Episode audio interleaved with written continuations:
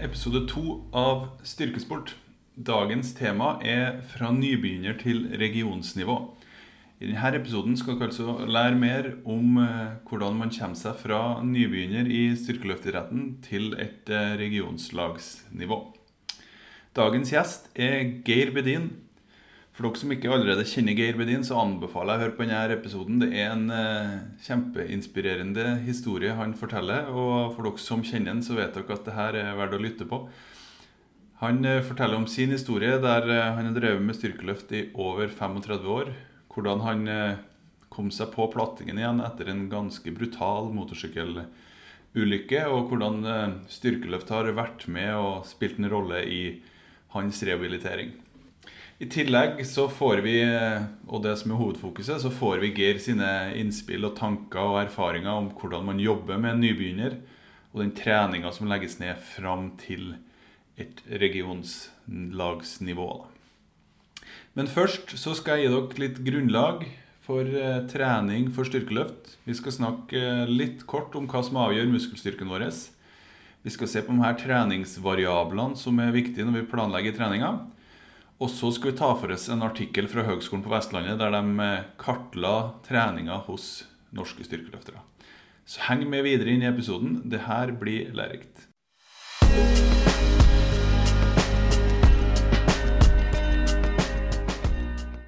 Muskelstyrke det er en egenskap, og den egenskapen den uttrykkes som regel gjennom en ferdighet. Derfor hører man ofte mange si at styrke er en ferdighet, eller styrk, eh, strength is a skill, sier man.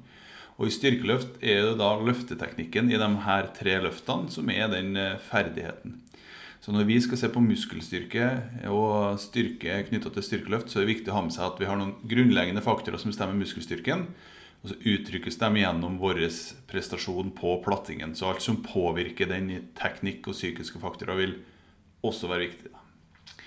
Muskelstyrken sier vi at i hovedsak eh, bestemmes av eh, to typer faktorer. Det er faktorer knytta til muskel- og skjelettsystemet, og faktorer knytta til nervesystemet. Vi skal ta et overfladisk blikk eh, på det her og diskutere litt hva som er viktigst for da å løfte så mye som mulig og flytte så mye som mulig i vekt. Det vi ser sånn Generelt sett så kan vi si at en større muskelfiber utvikler mer kraft. Så en større muskel klarer da å utvikle mer kraft. Og utvikle mer kraft vil jo si at vi klarer å skape et større dreiemoment, som vil gjøre til at vi vil kunne klare å flytte en tyngre vekt, da, forutsatt at alle de andre faktorene også er på stell. Sånn at muskelmassen vår er meget viktig, og vi skal se litt eh, grunnere på det etter hvert også, men det er da en viktig faktor for hvor mye vi klarer å løfte. I tillegg så har vi noen andre faktorer som er viktige, og det er de biomekaniske forholdene. Vi kan, si, vi kan snakke om det vi kaller for antropometri, altså hvordan ulike eh, kroppssegmenter er satt sammen, og størrelsen på dem. F.eks. så i styrkeløft så snakker man av og til om vinkler, og så sier man at ja, hvis du skal være god i knebøy, så er det gunstig å ha et kort lårbein i forhold til rygg. Og da snakker vi om antropometrien til noen. da. Og på grunn av Eh, måten det her er viktig på, er jo at det påvirker da eh, de her momentarmene, og dermed også da hvor mye dreiemoment som skapes. Sånn at hvis vi har en gunstige biomekaniske forhold, så eh, vil vi da kunne klare å flytte en tyngre vekt ved samme muskelmasse enn en person som har mer ugunstige forhold. Sånn Veldig enkelt forklart så kan vi jo tenke på det her med hvis vi skal skifte eh, dekk på bilen, så bruker vi da noen ting å gjøre det med. Og lengden på den armen avgjør hvor mye kraft vi må tilføre. Hvis du bruker en veldig kort arm for å prøve å skru opp den mutteren, så må du tilføre fryktelig mye kraft. Hvis du har en lengre arm, så må du ikke tilføre like mye kraft. Når vi skal flytte en vekt, da, så vil det være et ytre drøyemoment som skapes av den vekta. Og jo lengre armen er, jo mer dreier man den. Sånn at hvis vi har da gunstige segmentlengder, gunstig lengde på lårbein f.eks., så vil det da gjøre til at vi klarer å flytte en større vekt med mindre muskelmasse. Samtidig vil det her med hvordan eh, musklene våre er festa på kroppen vår, påvirke. Man, eh, I hvert fall i Trøndelag så sier man at noen er senesterk. Eh, og da mener man det at noen er sterk uten at de ser veldig sterke ut. En tynn person som løfter mye vekt. En av de faktorene som kan påvirke der, er jo det her med hvordan da eh, våre muskler er festa på knoklene. Hvis eh, muskelen har et feste lengre fra leddet, så vil den kunne klare å skape et større dreiemoment og mer kraft ved samme muskelmasse og samme drag i scenen. Jeg anbefaler at hvis dere vil lære litt om det her med dreiemoment og vektarmer og momentarmer, så kan dere laste ned den appen som heter for MA Biomec, som laga av Trond Kroshaug og flere på NIH, der man tar eh, et blikk på det her med biomekanikken i løftinga. Det er en kjemperessurs. I tillegg til det her eh, muskulære og skjelettsystemfaktorene som jeg har nevnt nå, så vil det være flere faktorer, men vi skal prøve å holde litt kort. Så vi skal se på nå da faktorer som er knytta til nervesystemet. Når vi utvikler en kraft, så muskelen trekker seg sammen, så utvikler den en kraft. Men for at den skal gjøre det, så må da den få et nervesignal. To faktorer som er knytta til nervesystemet som er viktig, er jo det her med antall eh, motoriske enheter som rekrutteres, altså det vi kaller for grad av aktivering, og den fyringsfrekvensen, altså hvor impulsen på det signalet som kommer til muskelen. Dette kan bedres ved eh, trening. Vi ser det at vi da øker ned graden av aktivering ved styrketrening. Og det er også en av de faktorene som påvirker hvordan vi kan bli sterkere uten at vi ser noe større ut. Vi har ikke noen økning i muskelmasse, men vi har fortsatt blitt sterkere. Da. Og da har de her nevrale faktorene, som vi kaller dem, har da blitt forbedra. Og det gjør til at vi klarer å utvikle mer kraft, sjøl om motoren vår i form av muskelmasse ikke har da endra seg. I tillegg er jo teknikken viktig, som jeg starta med å si. Og da det jo, handler det om det her samspillet mellom muskler, eh, muskelaksjon til riktig tid, eh, god stabilisering osv. Så videre, sånn at det å optimalisere teknikken vår vil gjøre til at vi uten å øke muskelmassen vil kunne klare å flytte en tyngre vekt. Da. Så de her nevrale faktorene de vil gjøre til at vi blir sterkere uten at vi øker muskelmassen vår. Da. Men som jeg begynte med å si, så er jo muskelmasse kanskje den viktigste, eller det er den viktigste faktoren da, for hvor mye kraft vi klarer å utvikle. Men det vi ser da, er at for folk som er lite trent, så er ikke det her sammenhengen så god. Det vil si at man ser ikke sånn tydelig at folk som er lite trent, de blir sterkere via at muskelmassen øker. De blir i stor grad sterkere via at teknikk og nevrale faktorer forbedrer seg. Sånn at For en nybegynner så ser man ikke at det her med økningen i muskelmasse er det viktigste for at man blir sterkere. Men når vi ser over tid da, og endringen i styrke hos folk som er godt trent, og når vi begynner å nærme oss verdenstoppen, så ser vi et sånn tydelig forhold mellom muskelmasse og, eller fettfri masse som regel målt, da, og hvor sterk vi er, og hvor mye kraft vi klarer å utvikle. Og hvorfor er det sånn? Jo, det er nok mest sannsynligvis sånn fordi at de her nevrale faktorene og ferdighetsøkningen i løftene, det at vi klarer å bedre teknikken, det skjer hurtig. Det er noen ting som der tilpasningene skjer veldig hurtig. Mens trolig så er det tilpasningene i muskelmasse de er litt tregere, så det tar lengre tid å få på seg muskelmasse. Og dermed så vil det ta litt lengre tid eh, før det blir det viktigste. Mens når vi kommer opp på et eh, høyt nivå, så ser vi det at ca. 75-90% av variansen i et 1RM i bøy-benkmark kan forklares av eh, den fettfrie muskelmassen. Fettfrie massen, ikke fettfrie muskelmassen. Så det vi ser at muskelmasse kan forklare ca. halvparten av variansen hos en som er da ikke spesielt godt trent. Men når vi ser i homogene grupper der man har optimalisert sånne ting som eh, løfteteknikk, de nevrale faktorene, og det er folk som har gunstige kropper for å løfte tungt, så kan man forklare opptil 90% av variansen i styrke ut fra muskelmassen. Sånn at muskelmassen er da meget viktig for hvor mye kraft vi klarer å skape. Så det man kan si da, Ofte sier man at en større muskel er en sterkere muskel. Men en, en bedre måte å forklare det på er nok at når alle andre ting er lik, så har en større muskel potensialet til å være sterkere. da. Så det er litt kort om eh, hva som er viktig for at vi skal klare å utvikle mye kraft. Når vi eh, trener, så vil vi jo prøve å stimulere det her på best mulig måte. Og det skal vi komme mer inn på i løpet av denne serien. Vi diskuterer også med Lars i episode tre om det her med muskelmasse, og hvordan kanskje treninga har endra seg litt i form av at man trener mer tunge single og, og bedre optimaliserer de andre faktorene heller enn at muskelmassen blir den viktigste. Men det kommer vi mer inn på da. Det vi skal se på nå, er det her med treninga vår, hvordan vi legger opp den. Så skal vi ha en sånn grunnleggende innføring i, i eh, begreper som da er viktige, og hvordan det ser ut for at de her bør, eh, bør manipuleres da, for å optimalisere styrkeløfttrening. Så det vi skal snakke om, er treningsvariablene. Og treningsvariablene når vi snakker om styrketrening, vil være treningsintensitet, treningsvolum og treningsfrekvens med dem vi skal ta for oss nå. Så det er andre variabler som også er viktige, men vi skal prøve å holde litt kort. da.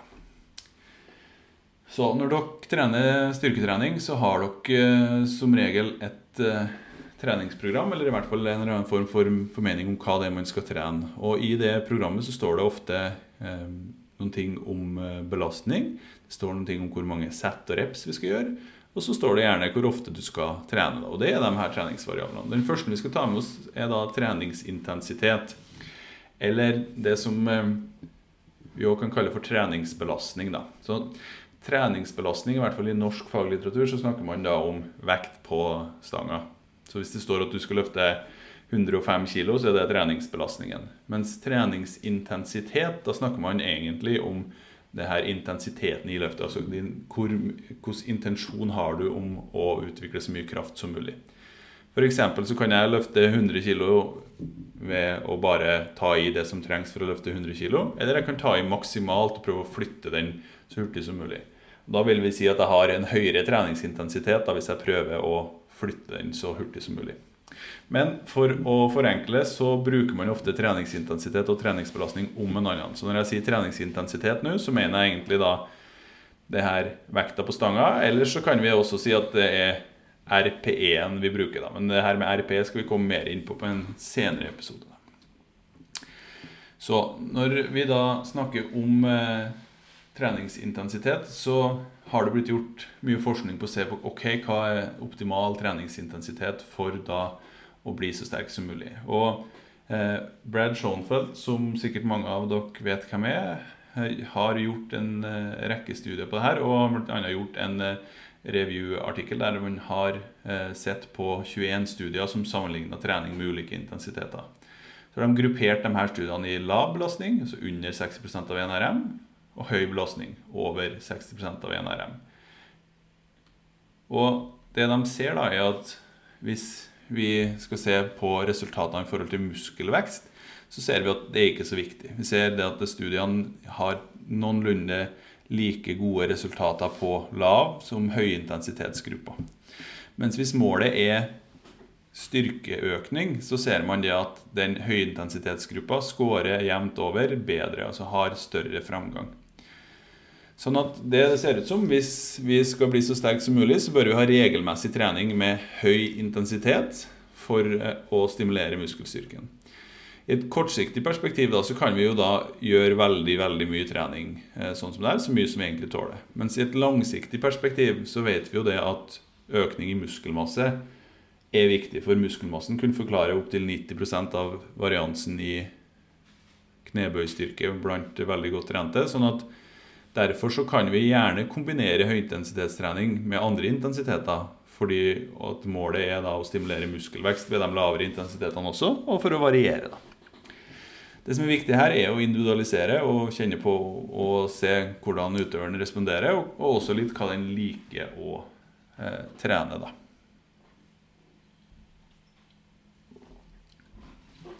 Når det kommer til den andre treningsvariabelen, som da er treningsvolum, så er treningsvolum noen ting som vi kan beregne på ulike måter.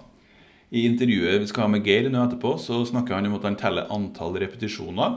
Og det er en måte å telle treningsvolumet på. Man teller da hvor mange repetisjoner man gjør.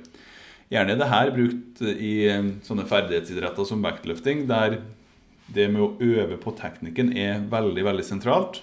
Og tanken da er at å gjennomføre flere repetisjoner er gunstig, fordi vi da får øvd mer på teknikken.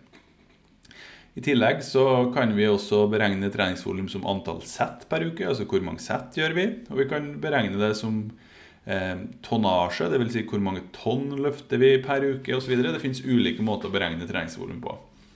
Men en måte som har blitt brukt mer og mer i det siste, og en del i forskninga, er det her med å telle antall sett per uke. Og da tar man som regel å telle de settene som er ganske harde, altså forholdsvis nærme utmattelse. da. Det man ser, er at antall sett det bør jo individualiseres, sånn som alle andre faktorer. At nivå trolig vil påvirke. Men at et fint startområde for en eh, nybegynner da, er en sånn fem til ti sett per uke. Og da i muskelvekstforskning så sier man jo da per muskelgruppe, mens vi tenker styrkeløft, da, så kan vi tenke at vi snakker om per løft.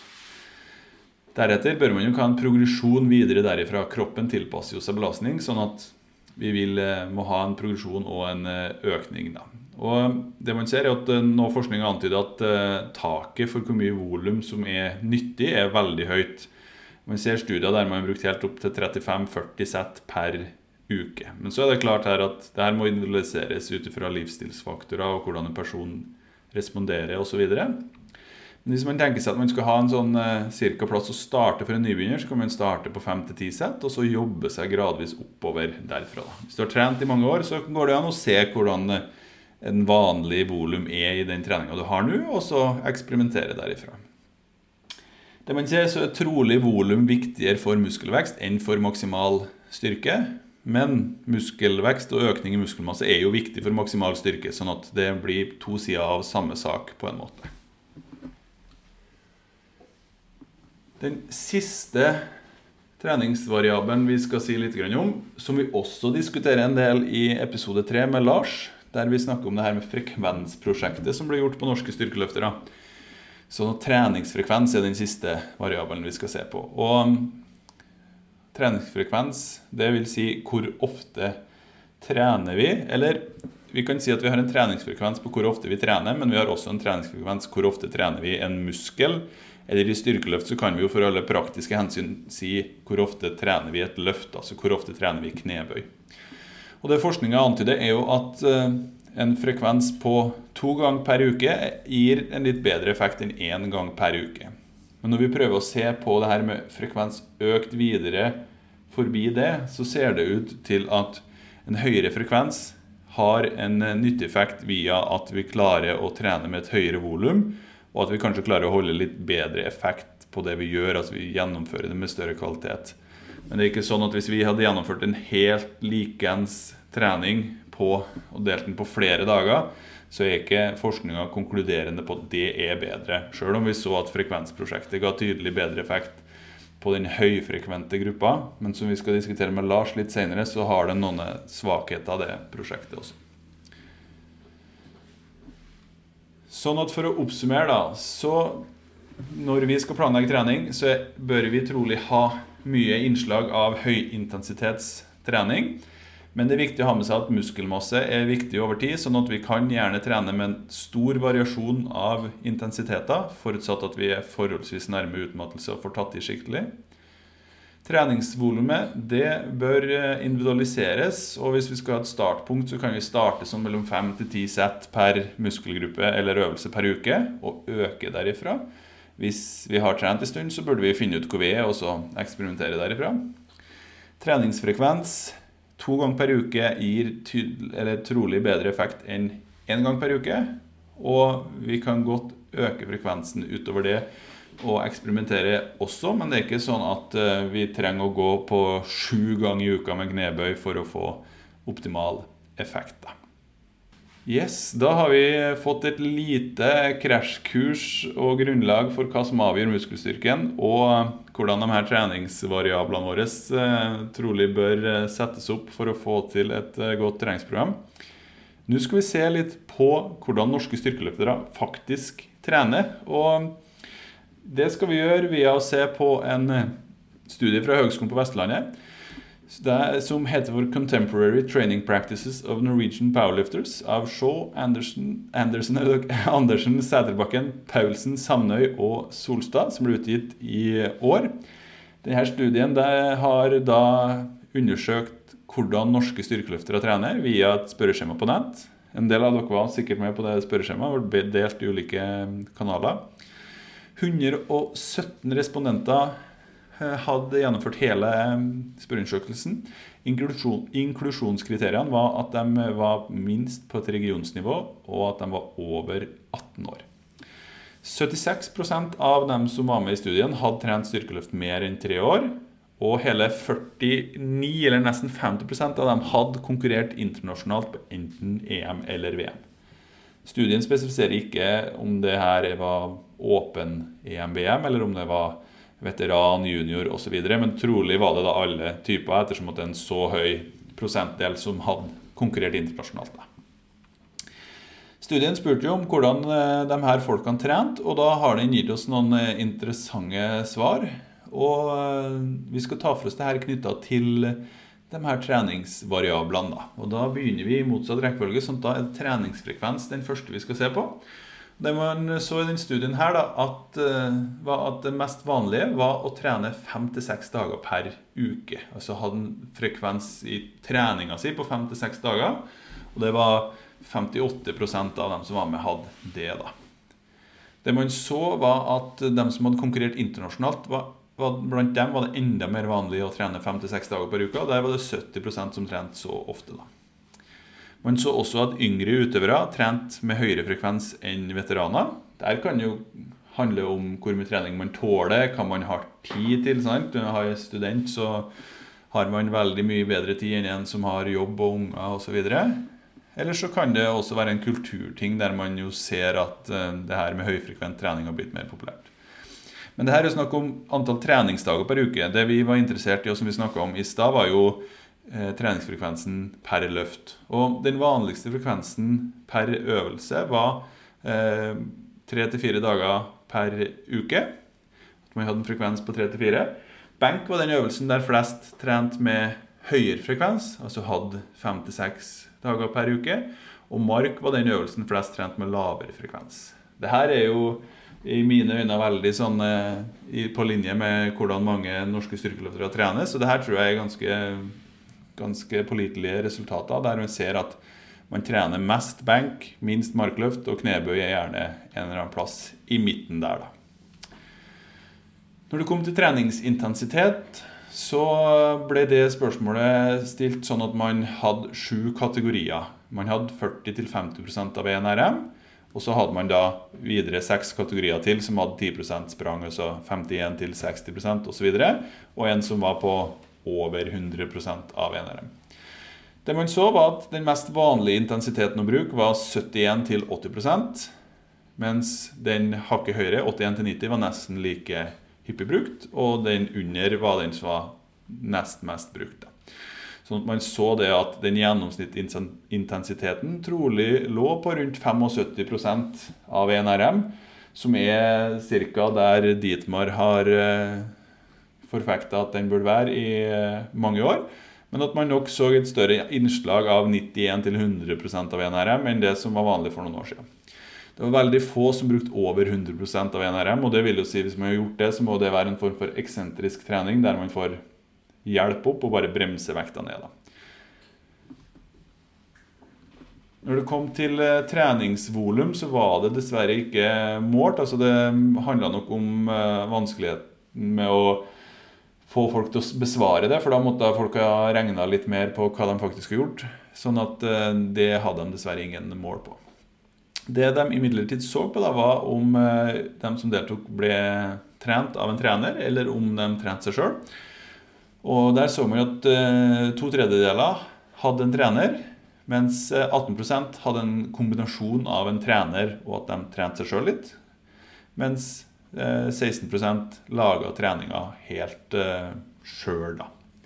Så det mest vanlige er jo fortsatt å, å, bli trent av en trener. Når det kom til sånne subjektive mål på intensitet, som RPE og repetisjoner i reserve, som vi eh, snakka litt om tidligere, så så vi at ca. halvparten brukte de her subjektive målene. Mens blant yngre utøvere så var det hele 83,6% som brukte Eh, repetisjoner i reserve. Så det er tydelig at uh, det her er mer vanlig blant yngre utøvere. Og det kan jo handle om at det er noe som er populært i tida. Da. Jeg tror ikke vi skal legge noe mer i enn at det er en, en trend som er populær akkurat nå. da. En annen ting, og den siste vi skal ta for, som, ta for, oss som de så på, var det her med formtopping. Altså hvordan topper man formen før en konkurranse. Og Da ble man spurt om man brukte en eller annen form for formtoppingsstrategi, eller tapering som de må kalle det. Da besvarte 96,6% ja, vi bruker en formtoppingsstrategi. Eh, og da var oppfølgingsspørsmålet hvor tidlig starter man å toppe formen. Her hadde man ulike kategorier, der det mest vanlige var 16-21 dager før konkurransen at man begynte å toppe formen. Og det var 33% som besvarte det. da. Det som er utfordringen med dette spørsmålet, var at man måtte svare én kategori på antall dager før konkurranse, mens eh, i hvert fall i eh, tidligere norsk styrkeløft eh, med Dietmar-program som veldig vanlig, så så man jo at man hadde en ganske annerledes formtoppingsstrategi i markløft, der man hadde tyngste økt litt tidligere enn man hadde i knebøy og benkpress. Sånn at eh, Hvis man hadde kunnet individualisert ut fra løft her, så tror jeg kanskje svarene har blitt litt annerledes. Men sånn generelt så så vi da at 33% sa at de begynte den 16-21 dager før. 20% sa 11-15. 16,8 sa 6-10. Kun 7% starta de siste fem dagene. Og 22% var usikre på når de begynte å toppe formen. da. Så det var det siste vi tok for oss fra den studien, som jeg syns beskrev ganske interessant hvordan norske styrkeløftere trener. Så håper jeg at kombinasjonen av at vi har tatt for oss litt grunnlag og sett på hva som gjøres her til lands, gir dere et lite innblikk i hvordan styrkeløfttrening foregår. da. Så Det var det faglige innslaget for i dag. Nå skal vi høre et meget interessant intervju med Geir Bedin,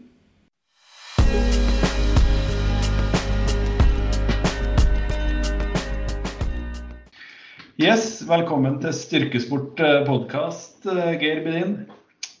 Jeg tenkte eh, Vi skal jo gå litt igjennom karrieren din i styrkeløft. Men for dem som ikke kjenner deg, så har du jo drevet med styrkeløft ganske lenge. Det første stevnet jeg finner, er 1985.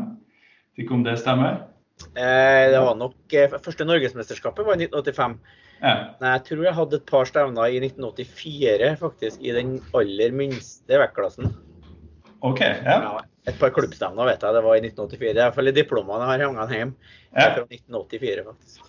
Så da har du 36 år i, i, styrkeløft. Og på den tida så finner jeg i hvert fall at du har blitt Norges, norgesmester for senior. Du har sølv fra vesteuropeisk. Og har sett flere norgesrekorder, bl.a. en som kanskje fortsatt står i en gammel vektklasse. Vi kan snakke litt om det etterpå. Men, eh, så du har eh, både vunnet og satt rekorder i løpet av de, de 36 årene i styrkeløft. Ja. Hvis vi eh, skal gå litt tilbake til 1984, da når du begynte med styrkeløft. Hva det var som gjorde til at du begynte, hvis du forteller litt om den? Det starta vel eh, litt med at den eh, folkehøgskolen som var 200 meter hjemmefra, hadde et eh, vektrom med skiva til.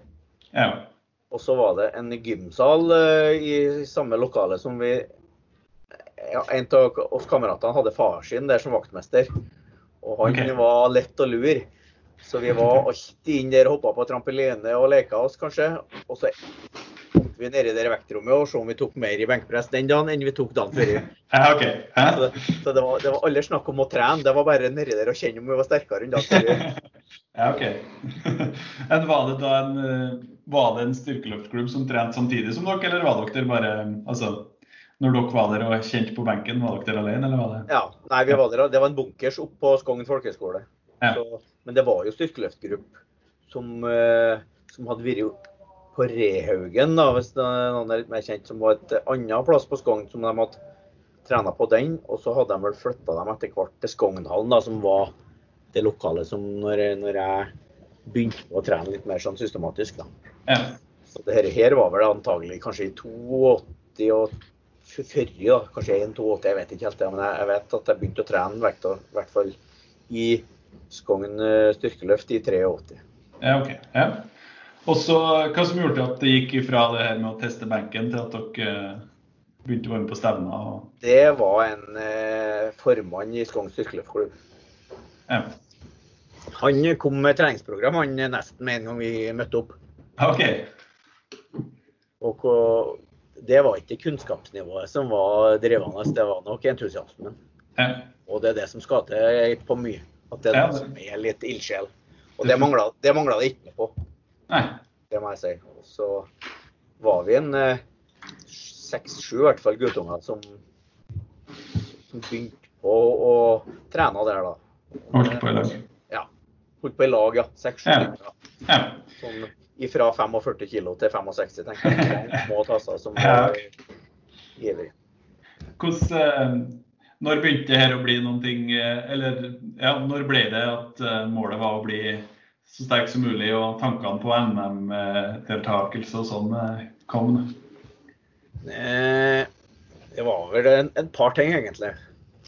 Det første var at vi hadde et klubbstevne i, i, i Skogn. da.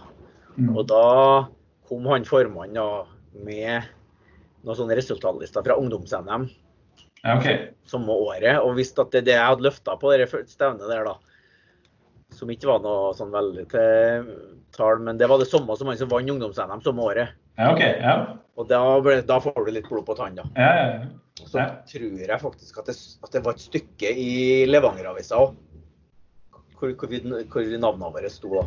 Det var okay. litt sånn I lokalavisa, ja. Ja, rett og slett det, ja. ja. Og derifra da også til uh, i 95 så tok du norgesrekord i knebøy i gamle 75 kilos-klassen. Var det sånn at det var systematisk jobb dit? Var målet liksom å nå norgestoppen, eller var det mer noe som var liksom noe du gjorde på si hele veien, eller? Eh, nei, det, det, var ikke det. For det, den eh, knebøyen der er jo et, eh, et, høyt internasjonalt resultat nesten i dag, det. Ja. Så det var egentlig litt Jeg var i militæret i 89. Og da trena jeg i lag med noen som trena mer kroppsbygging. Og treninga mi var fortsatt på å trene for styrkeløfter. Jeg ble norgesmester for junior i det året jeg var i Forsvaret. Ja. Så var jeg med på senior-NM det året jeg var i Forsvaret. Og så flytta jeg meg fra 67,5 opp til 75-kilosklassen. Og da var vel, når jeg var ferdig i militæret, så hadde jeg 230 i knebøy i pers. Som var da en 60 kg unna det som var den norgesrekorden der, da. Ja. Men, men, allerede da så tenkte jeg at eh, det, det tror jeg Jeg var såpass Om det var naivt eller ikke, men jeg trodde at det her det kan hvis, jeg trener, hvis jeg trener mer tullete enn andre, så kan hende jeg kan få til det her. Ja. Og da også hadde jeg jo en, eh, en trener som satte opp programmet mot meg. Det var Ove Dørås. Og i den perioden der så var det jo flere som hadde kjempegode resultat med han. Ja. Så jeg hadde noen sånne maks-rep-treninger hvor det var om å ta seg helt ut med utstyr og alt. Så det var Og det var det, kanskje det, eh, det treningene jeg likte og gleda meg mest til. Ja, ok. Ja. Kjøre så mange som det gikk med drakt og knebind til, til, det ble plukka opp. Kan vi snakke om uh, rep-antall da? da? Det... Nei, det, det, det, var jo rundt 75 kilo. Jeg, jeg, jeg, husker ikke, men jeg vet at det var en sånn fra rundt 10 rep på 2,25 okay. til en 4-5 på 2,50. ja. Såpass, ja. ja. Det er ikke så mange som gjør lenger. Nei, og det var ikke superdraktene vi hadde nå, eller vet du, ikke heller. Men, det var, men det Jeg har jo prøvd det på noen gutter senere, men jeg vet ikke om det anbefales for oss over 40 i hvert fall. Det, det blir jo unntak av det hvis du gjør det for ofte i hvert fall. Ja. Men det der førte fram, det. Og det, jeg hadde jo ganske mange resultat før jeg egentlig klarte det der, men det, det førte jo til litt andre ting. Det førte jo at jeg var jo passe råtten i overkroppen fordi vekten var for stor for overkroppen min, og det fikk jo benkpressen lide litt av. Ja. Du tenker at det var belastningen på skuldre og albuer? Ja. og han var for stor? Ja. Jeg lå jo langt ned på ryggen samtidig, ikke sant? Ja. ja. ja. Ja, og da gjorde du 2,93 i bøy i 95, eh, og som du sier, den, den står jo fortsatt, for den eh, klassen er jo permittert, skal jeg si. Ja, ja. Den bytter jo hver klasse. Ja, så det var jo flere av oss som som hadde de rekordene i de gamle klassene, de har jo det ennå. Så det er jo ja. se, da. Ja. Eh, og fra i, ja, i 95, da, så hvilken type NM hvor du lå an der? da? Nå har ikke jeg sjekka, men du ble jo norgesmester to år etterpå. Ja. Og ja, i, i, i 95 så vet jeg, da, da prøvde jeg jo meg i hvert fall med 2,95 på, på det NM-et som var da. Det tror jeg var i Alta. Da ble jeg vel nummer tre, tror jeg. Okay. Og i året etterpå så var jeg vel òg to eller tre. Det var Mange, mange år hvor jeg har vært to og tre, da. Ja. Og så ble det tittel i 97? Ja, da skifta jeg vektklasse. Da, liksom, da hadde jeg gått ned ganske mange kilo, i hvert fall, hvert fall litt over 80 kilo i kroppsvekt til 75. Ja. ja. Så da var det liksom nok med det. Og det, og det kan vi vel komme tilbake litt senere, at det å holde den samme vektklassen i for lang tid, ja. det, hemmer, det hemmer utviklinga di.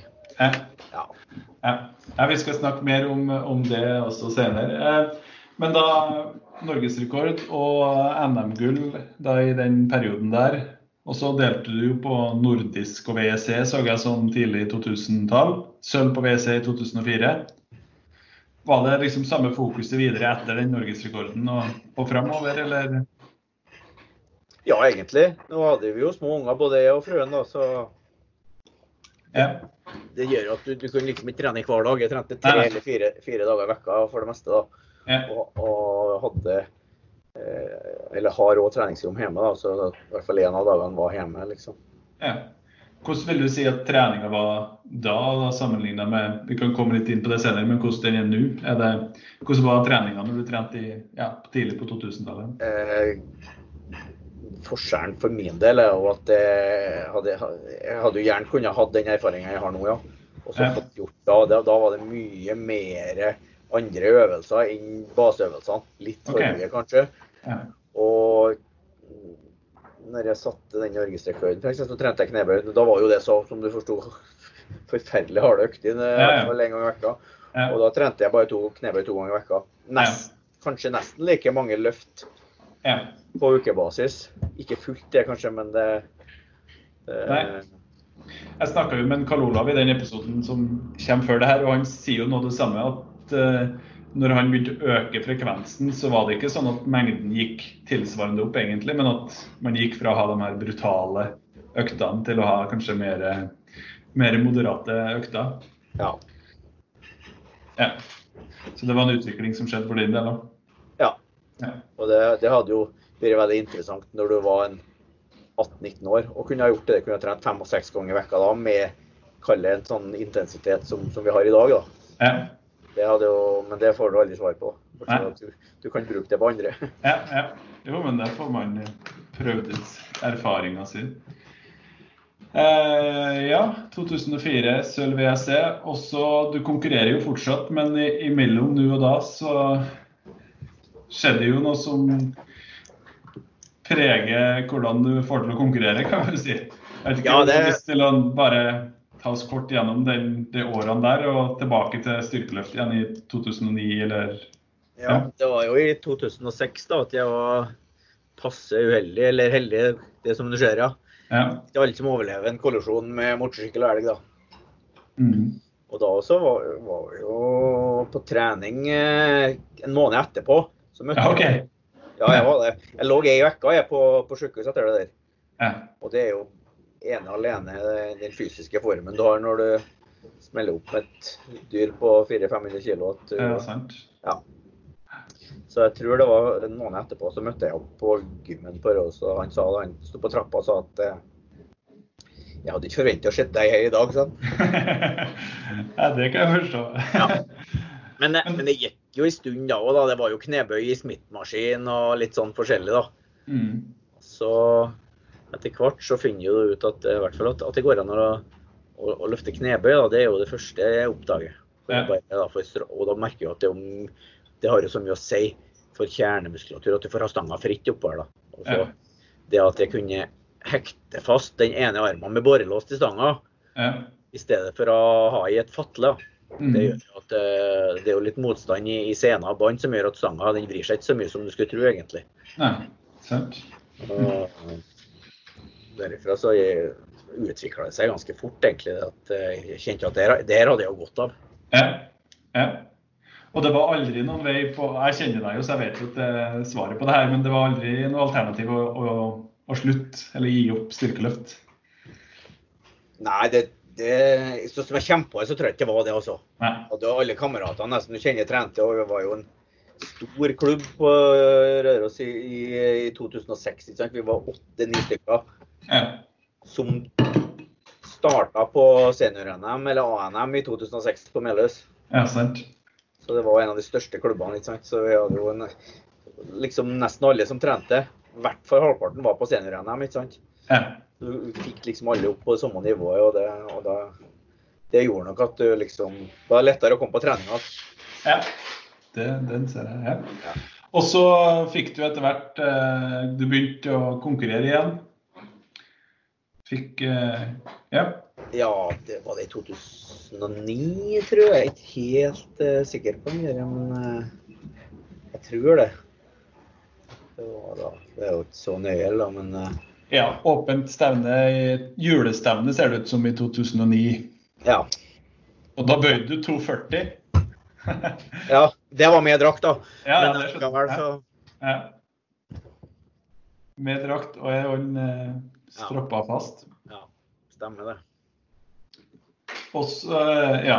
og da begynte du å konkurrere med utstyr i, i bøy. Brukte utstyr i marka når du Nei. Nei. I, i førstninga så løfta jeg jo markløften bare med ei hånd òg, ikke sant. Ja, sant. Eh, først var det bare med vanlig grep, og så tror jeg jeg fikk det å løfte med, med tommelgrep på ei hånd. Men, men det er jo ikke noe trening, ikke sant. Du blir jo bare rotert av det. Ja. Så etter hvert så Og på den tida der så gikk jeg til en fysioterapeut. Og så fikk jeg for meg det at hva som skjer hvis jeg da prøver å Mange av dem som har den skaden som jeg har, de har det at de kan få skuldra ut av ledd, faktisk, bare av seg, sjøl. OK. Ja. Bare at, at det blir så slakt at du, at du om natta så detter skuldra ut av ledd og sånn. Men det fikk jeg ganske fort beskjed om av, av av på St. Olavs, at det kom sannsynligvis ikke til å skje. Nei. Så, nei. Og det har ikke skjedd heller. Men eh, når jeg fortalte han fysioterapeuten min at jeg hadde begynt å løfte markløft med to hender, Ja. da hoffa han seg bare. Så det Og det var, og det var 30 kilo. Så jeg hadde 30 kilo ifra, ifra kloss. ja. Så det var fasttroppa bare sånn forsiktig. Ja. Men da Fra de første øktene der til da liksom da, Det var en veldig til progresjon. Og, jeg, og oppi skulderpartiet var egentlig lamma. da. Ja. Det var, nest, det var bare trapesius som jeg hadde liksom noe sånn bevegelse på. Ja. Det var det ikke noe sånn eh, kontakt som jeg merka. Men rombordeus, da, den som holder skulderbladet bakover, Mm. der begynte å skje ting. ja, okay. Ja, Så den er jo sterkere på høyresida i dag enn den er på venstresida. Ja, Muskelen, ja, han svarer veldig. Ja. Så etter hvert da, så, så gjorde jo det at jeg klarer å holde skulderbladet bakover på, på den sida der, da. Ja. Så og da skjønte jeg at da må jeg jo Skal jeg få lov å være med på noe nå, så søker jeg dispens. Ja. Og det var en litt artig historie, for da var vi på et benk-NM. Jeg sendte inn søknad, og så var vi på benk-NM, og så da kom en Jeg husker ikke hva han heter, men en, av medlemmene i, i Sande KK, Ja. han, han Florelius, far til han landslagsløfteren, han kom bort og Nei, det var en Morten Novum. Unnskyld. Og Morten Novum kom bort til meg, for han var president da. Ja. Fortalte at det var en søknad som de ikke helt klarte å svare på. Okay. Jeg hørte på om jeg var interessert til å ta en prat med en lege da, om det der. Ja. Ja, og han Florelius han hadde også sett det der på, på YouTube, da, det løftinga mi. Ja. Så, så han eh, Men jeg måtte skrive under noe papir på at det her var på eget ansvar og litt sånn, da. Ja, okay. Ja. Men da fikk jeg lov til å løfte med den, eh, med den kroken som jeg har i dag, da. ja. Med forbehold om at jeg ikke kan sette rekorder. Nei. Men jeg hadde jo allerede satt noen sånne regionsrekorder. Ja. Så det, det var litt sånn kjedelig, for jeg så jo det at når jeg ble veteran, så hadde jeg sjanse til å flytte de veteranrekordene i knebøy. da. Ja. Da ble den jo omgjort fra ikke lov å sette norsk rekord, men ikke lov å sette norsk rekord i markløft og sammenlagt ble det gjort om til. da. ja, OK. Så da i starten fikk du ikke lov til å sette knebøy heller, altså? Nei, men jeg jeg tror det ble ganske fort. For at jeg var ganske kjapp med å ta den, at jeg hadde allerede satt uh, regionsrekorder før. For når jeg løfta med hånd, ja, men når jeg skulle inn med den kroken og det der, så tenkte jeg at da må vi ha det på, på papir. Ja, ja. Og i 2012 så setter du norgesrekord i knebøy med utstyr i 83 M5 på 281 kg. Ja, stemmer. Det var jo noe jeg egentlig ikke hadde trodd at jeg kom til å få lov til å prøve på en gang. Nei. Så jeg husker at det stevnet så, så ble, det, ble det noe tull med høyninga mellom eh, første og andre løft òg. Så, så på siste løftet så ble det en kjempehøyning, men Ja. det, det kom jo opp og var godkjent, så det var jo Ja, ja, ja. Da husker jeg da, Det var jo på, på NRK, det greiene der. Det var noen som hadde meldt inn, så det var jo litt artig, da. ja, ja. Så det er så, sånn, ja, sånn som det der er artig, da. Ja. Og siden den gangen så har du jo sett flere norgesrekorder utstyrsfritt. Og du har en gjeldende nå. Ja. 2.15 i 83-en for veteran 50-59. Ja, det stemmer. Ja. Og det Jeg, har, jeg har, tror jeg har Jeg satte vel en, norsk rekord før den ulykka, og etter ulykka så tror jeg jeg har satt rekord ti ganger. Ja. Så det er ikke en hindring sånn sett, men eh, når det er sagt, så hadde jeg vel Det er vel litt kjedelig de to siste årene, da, for i fjor var jeg skada. Og i år har jeg som sagt ikke blitt noe. Nei, Så det var i bra form. ja, i år var jeg kjempebra form, faktisk. Ja. Lå kjempegodt an. og da ble det et stevne på internett i stedet. Ja. Ja. Ja. Du var med på distansemesterskapet som Tyngre arrangerte, så jeg. Ja, Ja. det var liksom bare en sånn tilfeldighet. Så så jeg at de skulle gjøre noe, og så var jeg i god form. Og så var jeg rett før jeg skulle starte oppkjøring til NM, så tenkte jeg nei, jeg kan jo like så godt eh, filme løftene mine og sende inn der, da. Ja, ja. Så det, det ble jo en litt sånn artig greie, da. Ja. Det, det første som skjedde, var at det kom en mail tilbake om at jeg, om at jeg ville lage et portrett av meg sjøl. ja. Som eh, Det var noe som jeg ble. Jeg anbefaler jo alle å gå inn på YouTube og, og se. Jo, altså alle, alle konkurransene er jo uh, kule, syns jeg, da, men uh, må sjekke ut den med 83-en. Det er stilig Ja, ja, det artigste var jo at de, de var jo mest imponert over måten jeg løfta benkpress på. Ja. Det er liksom ikke bestandig vekta som er det viktige der. Nei. Så, Nei, jeg hadde jo jeg løfta jo over den svenske M6-rekorden. Ja, OK. Ja, stemmer, det fortalte du. Ja. Ja, for den er 208 eller noe sånt. da. ja. Det tror jeg ikke de hadde fått med seg, faktisk. Så, Nei. ja. Det er jo imponerende. ja, så ja. det, var litt, det var jo litt artig å bare få en sånn test nede i kjelleren hjemme. For det tyngre de er flinke de også til å lage noe litt sånn show av det der. Jeg var dyktig, eh, dyktig på det. Og jeg syns jo det, det liksom viser litt hvor mye styrkeløft eh, I hvert fall jeg har inntrykk av at styrkeløft betyr for deg, da, og liksom hvor del, del det av livet. Jeg har jo inntrykk av at eh, ja, at styrkeløft er på en måte en del av DNA-et. Ja, det har jo blitt det etter hvert, på en måte. da. Ja. Og, kanskje enda mer nå når med, etter den skaden, for da kjenner jeg jo at jeg har jo jeg har jo hatt noen somre hvor jeg kanskje hadde hatt en eh, ja, fem, seks, sju uker helt uten trening. Og da kjenner jeg jo at den ryggsøyla den sliter mer da. Enn hva gjør eh, Kanskje ikke når jeg trener på det aller, aller verste, men sånn, sånn, mengde, sånn lett mengdetrening som jeg starter med noen ganger, da kjenner jeg at det er jo, da er jo kroppen som finest, egentlig. Så, Ja. Og når jeg er uthvilt før et stevne, og da er kroppen veldig fin. Men en seks-sju uker og en sydentur og litt sånn, da kjenner du at, at ryggen han blir litt ustabil. Og han er jo tyngre på ene sida, ikke sant? Ja. Så du må jo, må jo kompensere det på noe vis. Mm. Så det har jo gjort at jeg, jeg har nok eh, minst like god nytte av det her som andre. Og da, da må du heller gjøre det beste ut av det. Gjøre treningene litt artig og litt utfordrende. Ja. Jeg, jeg, går ikke, jeg tror ikke du får meg til å gå på trening uten at jeg skal være bedre til neste økt. Okay, Ja. Jeg er ikke skrudd sammen sånn at det bare for å gjøre det. Nei, da må vi finne på noe annet artig i stedet. ja. Jeg har jo sett, Du snakka jo om eh, maksreps med utstyr, men du kjører jo en del sånn høy Reppe ut en del sett utstyrsfritt òg, har jeg sett. At du Ja, velger en vekt og kjører så mange rep du klarer. Vi, Er det, er det en sånn måte å motivere deg på? Ja, litt det. Når formen er god og litt sånn, så er jeg glad i å, glad i å tyne meg litt. og det, det Du kan blande pusten i det, opplegget. Det er ikke vanskelig i det hele tatt. Det, Helt klart. Em, du er jo en inspirasjon for mange i Styrkeløft-Norge, eh, tror jeg, og i hvert fall av folk jeg snakker med. Og på det her innslaget på, på det tyngre distansemesterskapet, så er det et sitat der du sier at uh, det er ingenting som betaler seg så godt som å aldri gi opp. Og Det syns jeg jo uh, beskriver deg godt ja, som person, kanskje, egentlig.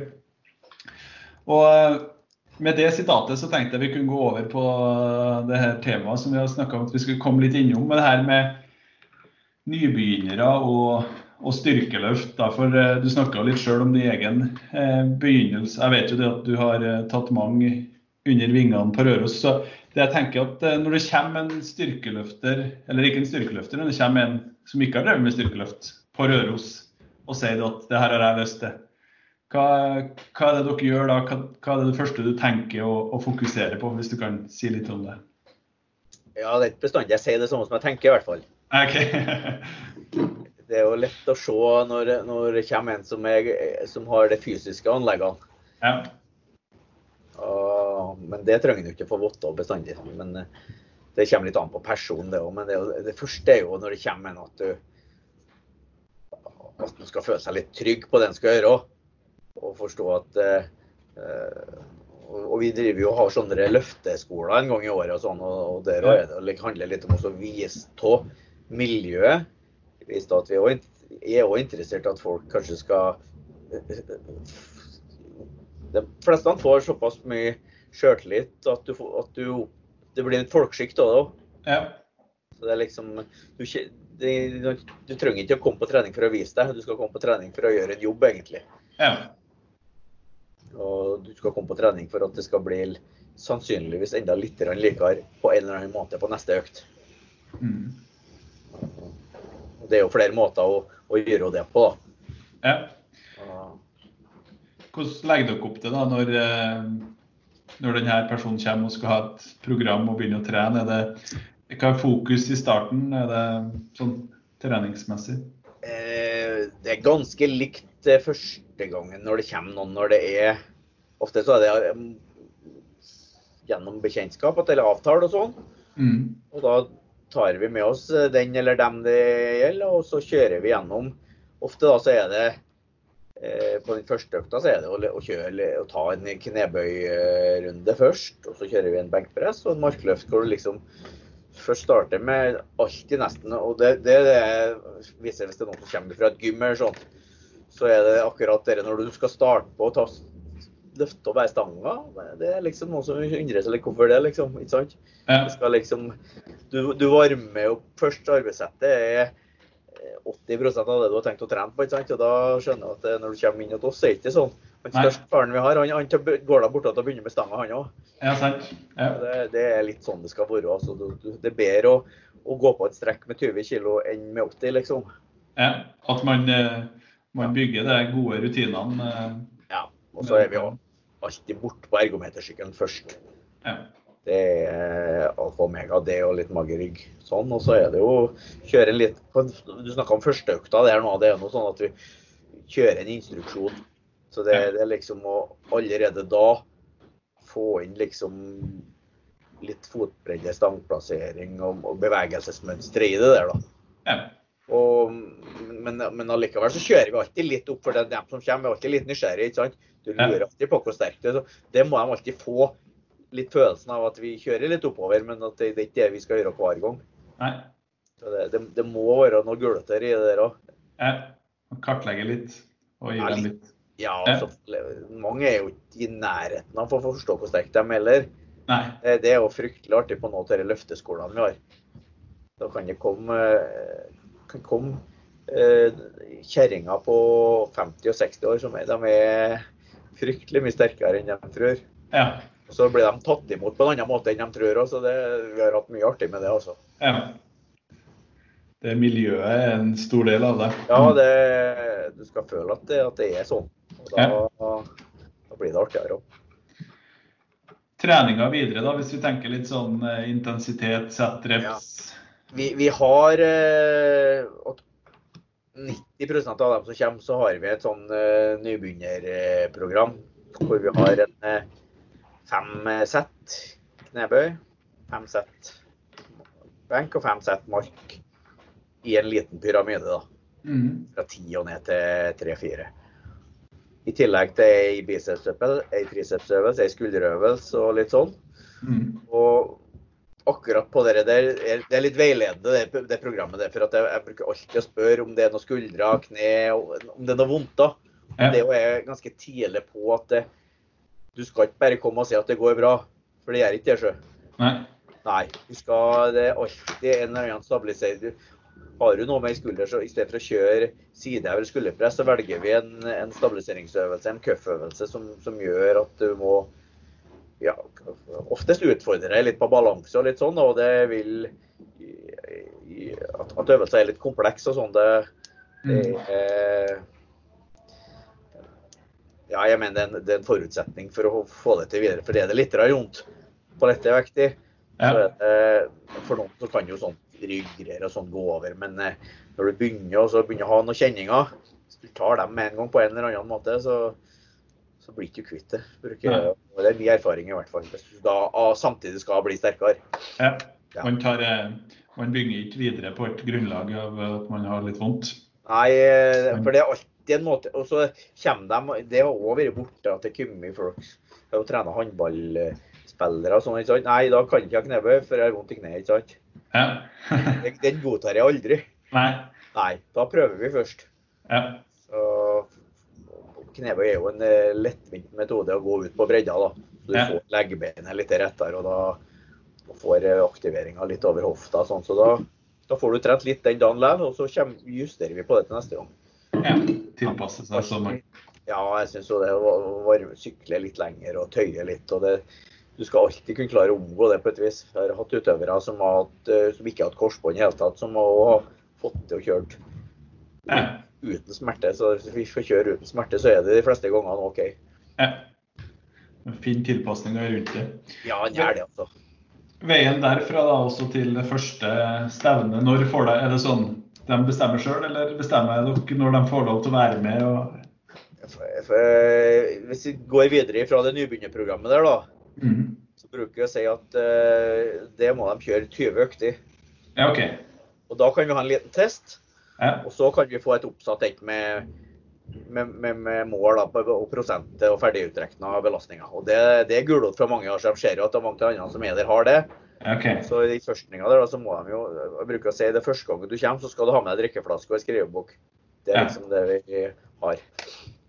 Og da blir det jo enda litt mer lettvint når du får det der arket med ferdige tall. Så det er liksom jeg, skriver, jeg har jo det òg, men jeg har jo skrivebok. Som jeg, jeg har alle treningene mine fra 87 nedskrevet. Det kan ikke liksom kreve det til alle sammen likevel. Det er jo noen som, noen som skriver likevel om de har ferdige utprinta òg, da. Så du sa første stevne det, Vi har årlig et julestevne. Ja.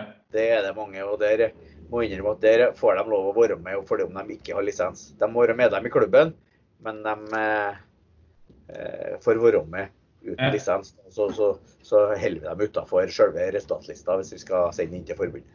Ja. Og det er det mange som har da er det mange som blir ekstra tent og skal kjøre videre på det der. Så det, det er liksom, da er det ofte en gnist som er tent, altså. Det fungerer. Ja. Hvordan, eh, sånn i forhold til eh, det stevnet, da får det, kjører de styret belastning eller løftene sine sjøl og kan kjøre helt til blod maks, eller styrer dere dem på noen måte sånn at man holder igjen litt, eller? Det, det kommer litt an på egentlig om det hvem personen er. Og, ikke vi, vi, har jo en, en, nå som er landslagsutøver til oss. Ja. Hvis ikke har sett, det er en Bråten Lillemo som uh, han er den som løfter mest av de juniorene i markløft. Han har jo ja. nesten 340 i smalmark. Han var jo en sånn kar som bare møtte opp hos oss og trodde at han kunne sette norgesrekord i markløft.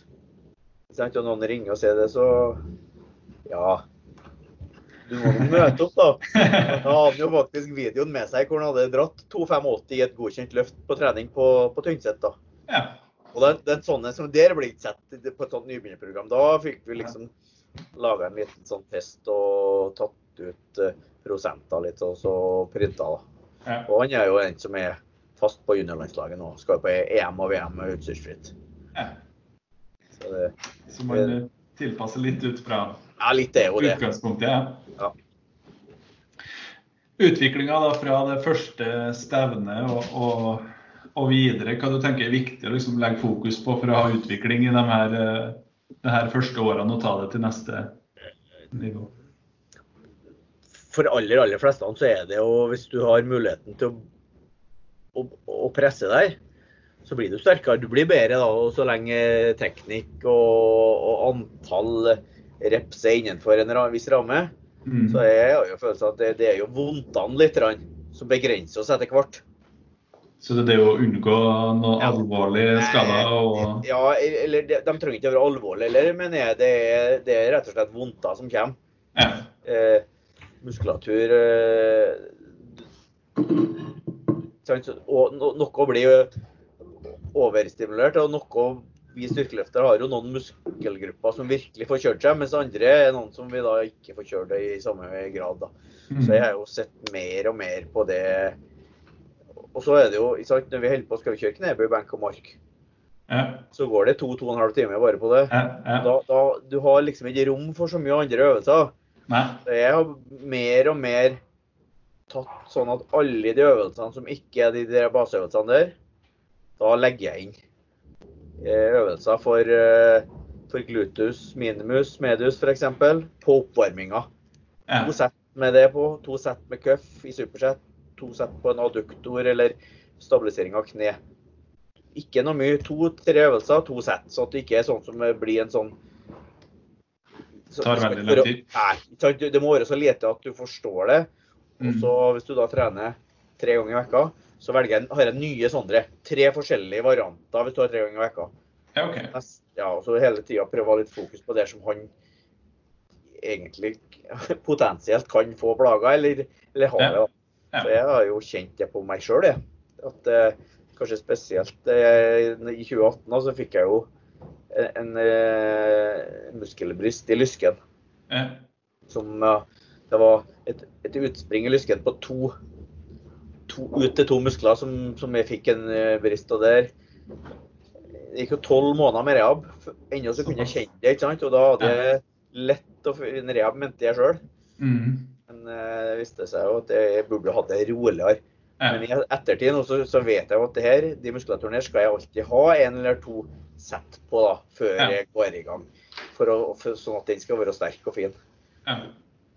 Og det samme med noen av de øvelsene som du ser, som glutus minimus medius, sånn, sånn som går på Vonde lår er jo mye utsatt for styrkeløftere når du aktiverer mye. Ja. Og det knekte en kode jeg som gjorde at ved sånn, det jeg kaller sånn kjerringøvelser, hvor du da aktiverer de, de små glutusmusklene, mm. da ble låra helt fine. Og de vektene som jeg da visste før at jeg kanskje for ti år siden vonde lår av, ja. Det får jeg faktisk ikke vonde lår av nå, litt pga. det. Ja. Og nå av det, det, det IT-bånd det heter, som går nedover låret over kneet, mm. det jo aktiverer du med det der, da. Så det er jo en sånn eh, Og da har jeg jo hatt ett kne spesielt da, som, som jeg, jeg krasja med, med trampsykkel. Sykla med ei hånd da, selvsagt en ombygd trampsykkel hjemme. Okay. I skogen, og så med fastsatte bein og kneet først på en sten. Så der ble det tatt ut noen bensplinter. Det, okay. Det da knebunnen på, vet du. Men det viste seg at det var bensplinter under og ikke noe menneske. Ja, okay. Kneet hadde vært litt sånn sårt for det der, da. Ja. Men etter at jeg begynte å kjøre sånne øvelser som det, så kjente jeg da både lårene helt fine, og, og, og kne miljøet rundt kneet mye sunnere, kjenner jeg. Det er ikke noe sånn ja. Så det er jo sånt. Og det er jo flere ting. Kjernemuskulatur og adduktorer og sånn. To sett sånn før du starter. Mm. For også, I hvert fall oss som er over 40. Så, men jeg tror at det kunne ha hjelpa tidligere hvis jeg hadde den kunnskapen jeg har om akkurat sånne øvelser. Som ja. Det er en nøkkel for å tåle mye trening er å, å gjør ting som gjør til at uh, man ikke får det her uh, ubehagene og vondtene. Ja, og når du ser mye, så er det mye trening på den intensiteten som er så høy at det gjør noe med utviklinga di. Det er da det blir vanskelig. ikke sant? Jeg har følt før at jeg har trent fryktelig mye på under de øvelsene, men kom belastningene opp en 10 kg, sånn, så var det nå får jeg flere økter der, så blir, så blir, så blir det vondt. Ja. Du får vondt da. Ja. Det kjenner jeg nå etter at jeg begynte med det, så, så berger du bedre på det der, altså. Ja. Hvordan tenker du da i forhold til volum og intensitet og sånne ting? Er det når du legger opp treninga, hvis vi fortsatt tenker på denne nybegynneren da, som kanskje har begynt å bevege seg mot å skal være med på et NM og sånne ting. Hva, ja, hva du tenke rundt det? På, på, de første programmene på det så finnes det jo mye maler. Jeg har jo maler fra deg og maler fra, fra Dietmar Wolf og sånn, og har jo gått i ja. treningsregimet det sjøl. Og vet jo hvor mye jobb det er å sette opp sånne som det der. Så det er jo sånne maler du fyller ut, sånn at du sånn eh, ligger på en eh, 100 løft i uka per øvelse. Og intensiteten er jo gitt der, da. Ja. Så, det, og det, det malene der er kjempebra. Dem, og det er jo litt av clouet etter hvert er det andre snakker om, at du velger ut øvelser etter hvert som som gjør at du, at du varierer dem. Ja. Du må finne ut, de, de, kan ikke ha tre ganger i uka med helt vanlig knebøy. Du må velge deg andre knebøyvarianter. Ja. Og Min erfaring der er at å velge seg ettbeinsvarianter som oppvarming, mm. eller ha som en hjelpeøvelse både ettbeins rakmark, ettbeins knebøy eller utfor, alle sånne er ja. fint for dere beina og setet. Altså det ja. Stabilisere på ett bein. Mm. Ja. Det, så, ellers så blir det for ensidig. For at du skal tåle, i hvert fall for, for mine, det, det, er jo egenerfart mye av det her. Ja, ja. Mm. Det er jo andre som kanskje tåler mer, andre som tåler mindre av det. Men jeg ser jo det er jo, er jo 20 år gamlere enn mange av andre. Han har samme intensitet som jeg trener på, og er vel kanskje den i klubben som til tider har mest. Han som er på landslagsnivå, har jo samme. Og så har vi jo noen som har vært på landslagsnivå tidligere. og det er jo jeg prøver å ligge på det samme nivået i antall løfter som dem. Ja. Så jeg trener det, Jeg mener jo at skal du på et visst nivå, så må du opp i kanskje 150 løft i perioder og i, per løft per øvelse da, i, mm. i, uka, liksom. Så, ja. Ja. Men jeg ser jo det at uh, det er jo ikke like lett da, å, over, uh, få, å få til det. Hvis du har Jeg mener at du bør jo ligge på en rundt 1000 løft i måneden.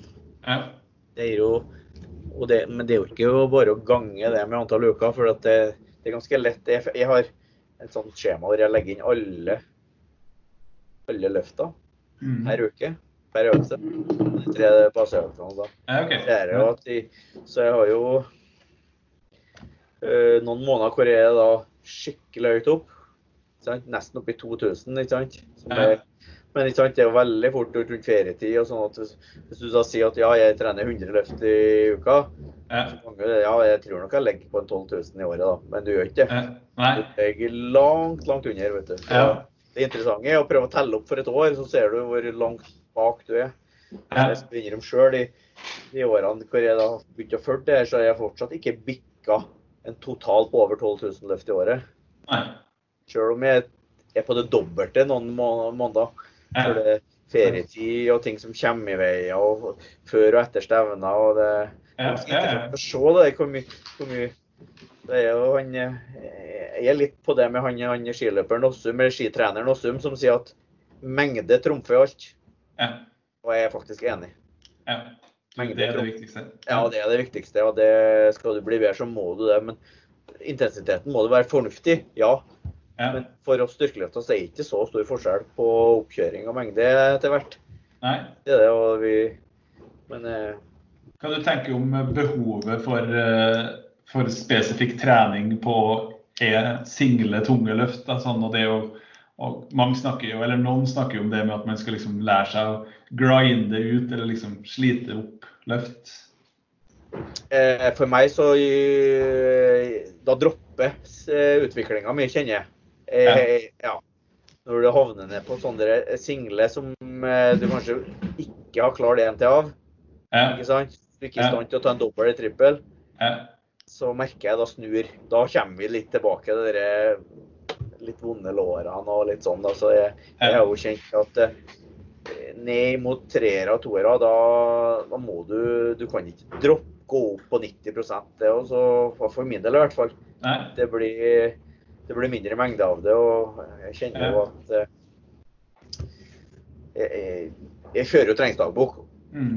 Og er ganske nøye med å prøve å se hva min gjennomsnittlige, gjennomsnittlige treningsvekt er på hver økt. da. Prøve å tvinge den oppover. og da, da er det jo ikke drive og søle bort for mye løft på 60% Du må jo prøve å få dem litt oppover, men ja. det, det, er litt, det, er nok litt, litt individuelt akkurat der hva vi tåler på der, men ja. Jeg ser jo, hvis, hvis man tenker for si 10-12 år siden, da, der liksom Dietmar-program var det alle nesten alle trent i Styrkeløft-Norge, eller i hvert fall veldig mange. Ja. Eh, og, og, det her fokuset med mengde var, var veldig stort. Eh, så har jeg litt inntrykk av at utviklinga i mange klubber har blitt mer mot å kjøre litt mer intensitet. Man styrer gjerne med, med sånn RPE, altså ja. man styrer på dagsform. Hva du tenker om den eh, utviklinga, om den typen treninger? Jeg syns den er super. Det er den måten jeg gjør det når jeg kjører mengder sjøl. Jeg kjører jo sånn at jeg Men det er jo som sagt, jeg, jeg kjører ikke single og toere hvor jeg da ikke klarer Hvor det omtrent er stopp. ikke sant? Hvor jeg kjenner at Hvis jeg kjører en singel, og her hadde ikke gått to på, det, det Men jeg kjører veldig på dagsform, ja. ja. Sånn at jeg, og da prøver jeg liksom å sørge for at jeg ender opp på ukeslutten da på over 100 løft alltid. Ja. Så du, du bruker det dagsformkomponenten, men det å, å, jobbe med veldig høy intensitet, det, det er du ikke noen tilhenger av? Jeg prøver å komme meg over på, på hver økt. da. Så på Dietmar så var det jo at du skulle prøve å ligge på en gjennomsnittlig middelintensitet på ukebasis på rundt 70 ja. Og det er ganske høyt, syns jeg. da. Ja. Så hvis du skal ligge på 100 løft på 70 så, så, er, så er du godt kjørt når uka er ferdig? Ja, ja det det. Eller, eller på ei trening òg, hvis du skal kjøre Kjører du 30 av hver, da, ca. Mm. Så det men, jeg, men, jeg, men det er jo Du får jo en del løft likevel i dag òg, for de fleste av de aller beste kjører jo flere økter enn før. Ja. Så det, det, blir jo litt det, ikke sant. Du legger Og det, det vil jo alt. Det tror jeg jo at eh, seks dager trumper tre dager, så det smeller etter når det gjelder sånt. Ja. ja, det tror jeg faktisk gjør når du blir eh, såkalt eldre og skal, skal, tåle mindre, eller du trenger en lengre restitusjon. Ikke ja. helt på den, for jeg, jeg har noen flere økter nå enn jeg har noen gang iblant. ja, ja. Så ligger det kanskje noe i at når man, når man, deler opp, så blir det jo belastningen på hver økt blir litt lavere. Altså, det er jo ikke sånn at når du går fra tre til seks økter, så dobler du mengden. Nei, det gjør ikke det, vet du. Så, ja. Vi, vi snakker som å du, du klarer, Det er jo lettere å få opp en 10-20% på mengden ved å kjøre fem til seks ganger i stedet for uh, tre ganger. i uka.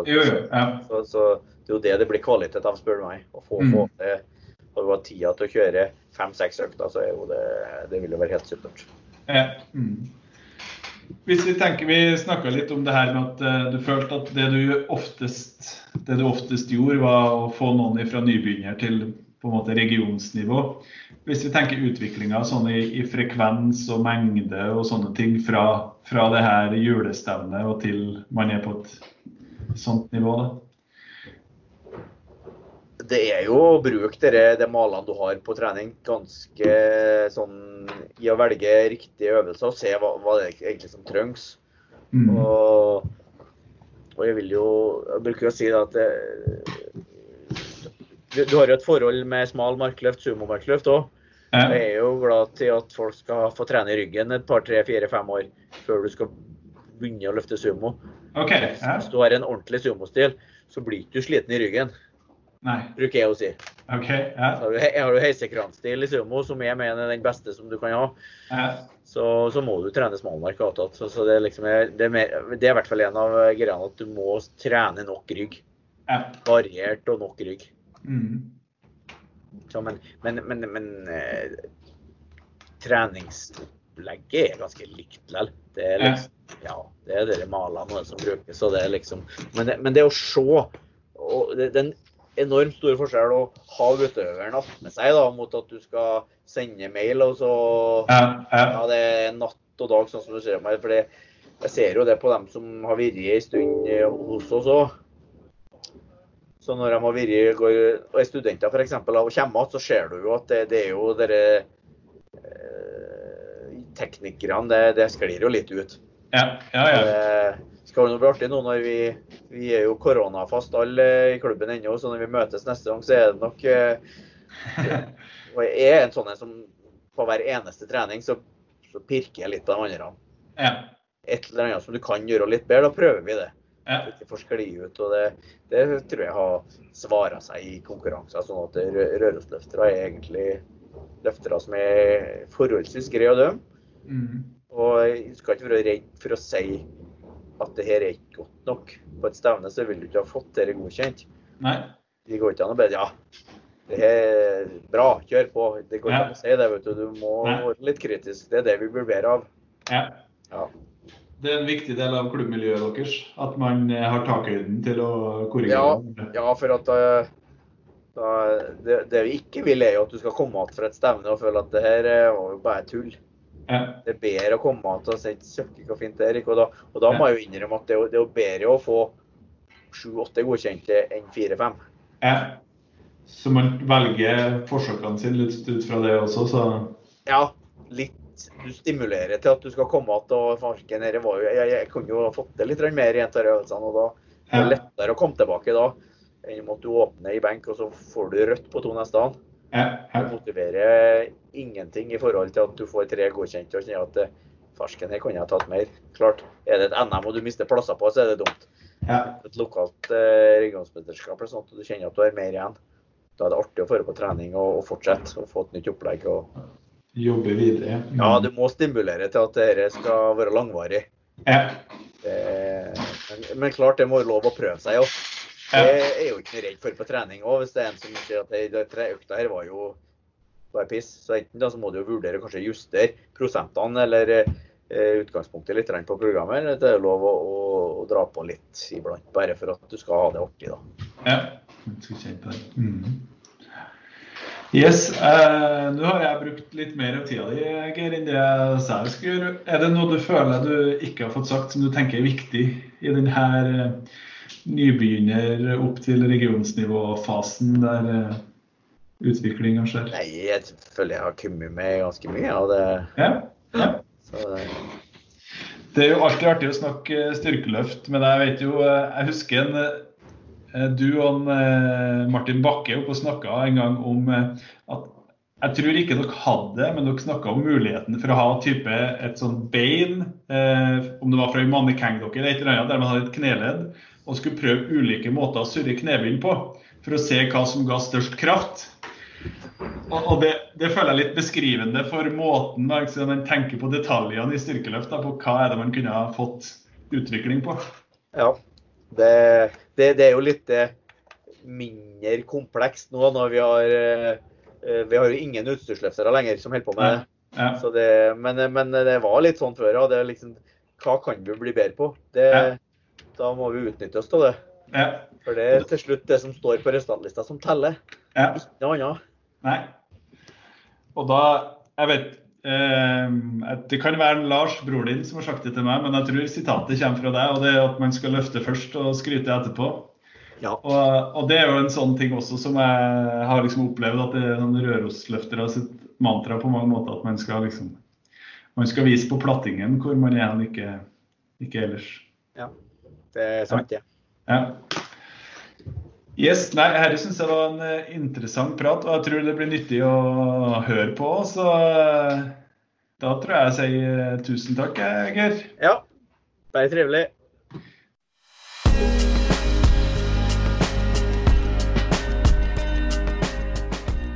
Yes, det var alt vi hadde for i dag. Takk for at du lytter på episode to av Styrkesport. Følg med neste fredag for å lære om veien fra regionsnivå til internasjonal løfter. Jeg intervjuer landslagstrener Lars Samnøy, og han deler kanskje mer enn jeg hadde håpa og trodd om hvordan det norske landslaget trener. Han gir sin spådom om eh, framtida til norske styrkeløfttrenere. Og han drøfter bruken av eh, RPE og reps i reserve i treninga. I tillegg så får vi litt innblikk i de forskningsprosjektene som Styrkeløftforbundet har gjort, Og Lars gir sine tips om hva du bør fokusere på hvis eh, målet er verdenstoppen og du sikter deg inn der. Så eh, heng med på episoden neste fredag. Det tror jeg blir meget interessant. Hvis du har spørsmål, innspill, ris, ros, så kan du sende det til kontakt at styrkesport.no. Takk for i dag. Vi høres. you